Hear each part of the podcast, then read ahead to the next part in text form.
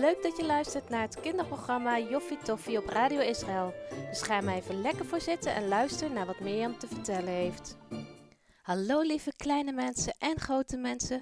Wat joffie tof dat je weer luistert naar Joffie Toffie. Vandaag gaan we weer verder praten over de Sabbat. En tot nu toe heb ik vooral Bijbelteksten uit het Oude Testament genomen. Maar vandaag wil ik een tekst uit het Nieuwe Testament aan jullie voorlezen. En het is dit keer een iets langere tekst. Nou, en daarna gaan we natuurlijk het verhaal voor Omri verder lezen. Dat is ook super spannend. Maar laat ik beginnen met het verhaal uit het Tweede Testament. En dit komt uit Lucas 13, vers 10 tot en met 17. En ik lees het uit de Bijbel in gewone taal. Op een sabbat gaf Jezus in de synagoge uitleg over God. Er was ook een vrouw bij die een kwade geest in zich had. Die geest maakte haar al 18 jaar ziek. De vrouw was helemaal krom en ze kon niet meer rechtop staan. Toen Jezus haar zag, riep hij haar bij zich en zei: Je bent bevrijd van je ziekte.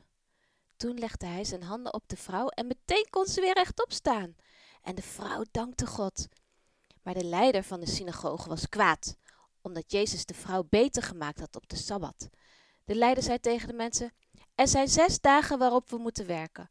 Op die dagen mag je komen om genezen te worden, maar niet op de sabbat.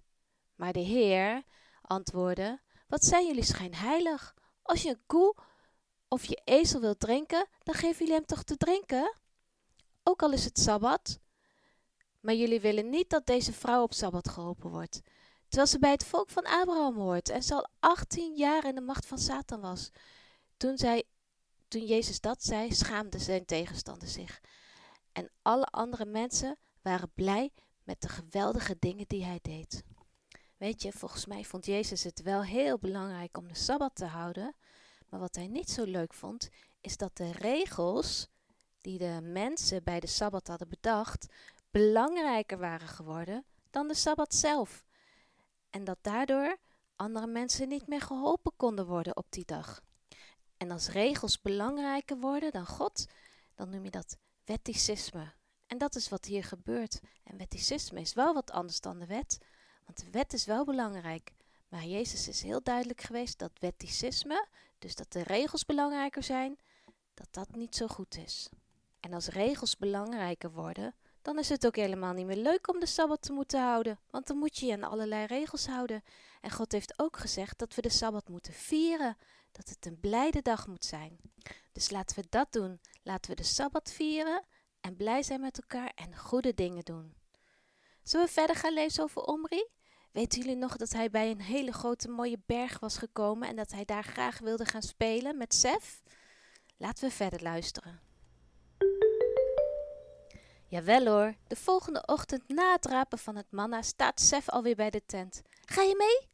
Omri heeft net het manna bij zijn moeder gebracht. Ja, natuurlijk. Ik ben net klaar met rapen, dus ik kan de hele dag. Omri zegt zijn moeder en zijn zusjes gedag en loopt met Sef naar het einde van de kamp richting de berg. Ik heb een gaaf idee. Ik weet nog precies dat je vader zo'n bijzonder verhaal vertelde over Mozes. Sef brengt zijn mond naar het oor van Omri en fluistert wat. Als we nou eens op zoek gaan naar die plek waar Mozes met God gesproken heeft. Je weet wel, met die struik die niet verbrandde. Ook al stond hij wel in de brand. Omri's ogen kregen een ondeugende blik. Dat is zo stoer. Als ons dat lukt, dan zullen we beroemd worden.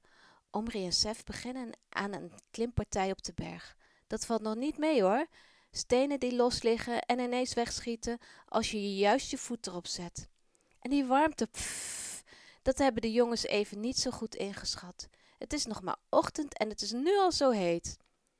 Sef, kunnen we niet beter omdraaien en weer naar beneden gaan? Ik heb zo'n dorst en we hebben nog steeds die bijzondere struik van Mozes niet gevonden. Er groeit er helemaal niets. Sef klautert stevig door. Kom op, Omri. Daar verderop zag ik wat groens. Laten we nog een klein stukje verder gaan. Omri twijfelt enorm, maar wil zijn vriend ook niet alleen laten gaan. Oké, een klein stukje dan nog, maar dan draaien we wel om hoor. Sef reageert niet meer. Hij is een heel stuk bij Omri vandaan en Omri begrijpt er niets van. Heeft Sef het niet warm? En heeft hij dan geen dorst? Zelf gaat Omri niet zo snel. Hij sleept zichzelf steeds stukje bij stukje verder omhoog. Het is eigenlijk helemaal niet zo leuk meer. Wat begon als een avontuur voor samen, is nu maar een hele tocht geworden. Omri besluit Sef te roepen. Hij wil omkeren en zich niet meer laten ompraten. Sef, roept Omri.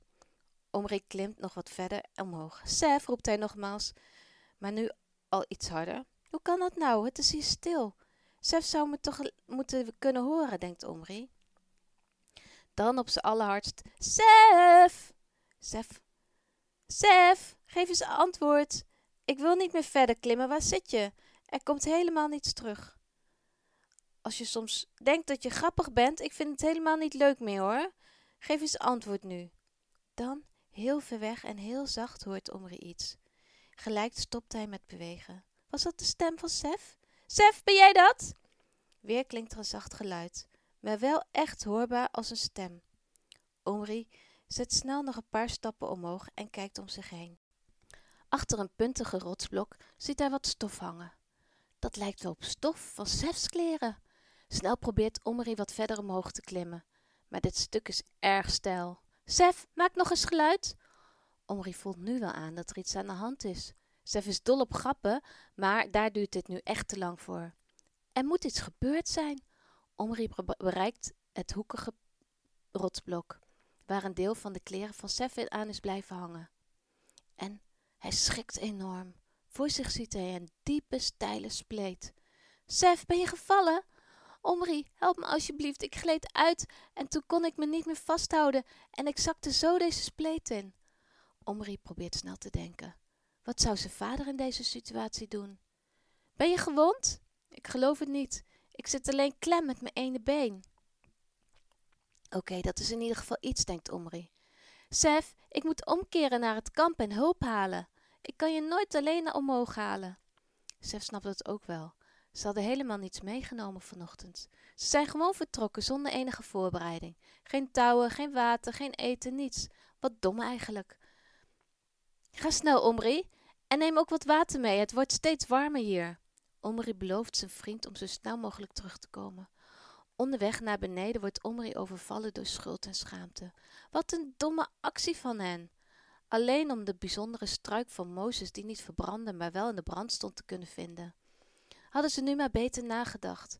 Voetje voor voetje daalt Omri af. Hij moet het voorzichtig doen, want twee jongens die hulp nodig hebben, dat zou helemaal erg zijn. Na een tijdje is Omri veilig beneden. Hij rent zo snel als hij kan naar de tent toe en begint al te roepen om zijn vader als hij nog ver weg is. Pap, pap, ik heb uw hulp nodig. Sef zit vast in een spleet in de berg. U moet hem komen helpen. We hebben touwen nodig en water. Pap! Omri roept van alles door elkaar. Papa ziet hem aankomen en kijkt hem wat vreemd aan. Omri, wat is er aan de hand? Wat bazel je allemaal? Omri vertelt het hele verhaal, vanaf het plan om de struik te zoeken tot het moment dat hij erachter kwam dat Sef in de spleet zat. Gelijk trommelt pap wat andere mannen bij elkaar. Met touwen, water en nog wat ander gereedschap klimmen ze de berg op. Omri is er ook bij, omdat hij de route moet aanwijzen. Gelukkig heeft hij goed onthouden hoe hij omhoog is geklauterd en het duurt best nog wel even voor ze er zijn. Maar uiteindelijk bereiken ze de spleet waar Sef in zit. In vrij korte tijd hebben de mannen Sef eruit getrokken. Wat is hij opgelucht om weer eruit te zijn? Gelijk drinkt hij een flinke teug uit een van de meegebrachte waterzakken. Wat had hij daar zin in? Eenmaal terug in het kamp krijgen de jongens van de vader van Omri de volle laag.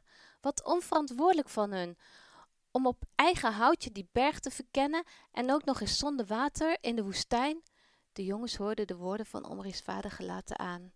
Ze weten dat ze fout zitten en ze dit nooit hadden moeten doen. Ook Sefs ouders zijn erbij gekomen. Beide jongens krijgen een passende straf, die hen hopelijk doet inzien dat ze hier niet goed over nagedacht hebben en het ook erg gevaarlijk is. Ze hadden beter moeten weten en eigenlijk zijn Sef en Omri het daar wel mee eens. De dagen erna zijn de jongens bij hun eigen gezinnen. Ze werken hard mee met alle klusjes en zorgen dat niemand wat op hen aan te merken heeft. Omri heeft wel in de gaten dat dit even wat tijd nodig heeft. Zijn ouders zijn best geschrokken van deze domme actie. En dat terwijl Omri heel vaak heeft laten zien dat hij goed over dingen kan nadenken. Een domme fout is zo gemaakt. Gelukkig heeft hij vergeving gevraagd en gekregen. Nu het vertrouwen van papa en mama weer terugwinnen. Omri is blij dat de Sabbat er weer aankomt. Dan is er zo'n heerlijke rust. Mama heeft het manna van vanmorgen al geraapt. Genoeg voor twee dagen. Ze weten nu inmiddels goed dat je alleen op deze dag voor twee dagen mag rapen, zodat je op de Sabbat niets meer hoeft te doen. De dag die God apart gezet heeft en geheiligd. Hij rust op die dag van zijn scheppingswerk en Omri mag hetzelfde doen. Rusten. Tijd met je familie doorbrengen en aan hem denken. Nou, lieve kleine mensen en grote mensen, dat was het weer voor vandaag. Leuk dat jullie luisterden en tot volgende week. Doei doei! Dit was Joffie Toffie, het kinderprogramma van Radio Israël. Wil je nog graag iets kwijt? Stuur ons dan gerust een berichtje op joffietoffie.radioisrael.nl De presentatie was in handen van Mirjam en we vonden het joffie tof dat je luisterde en hopen dat je er volgende keer weer bij bent.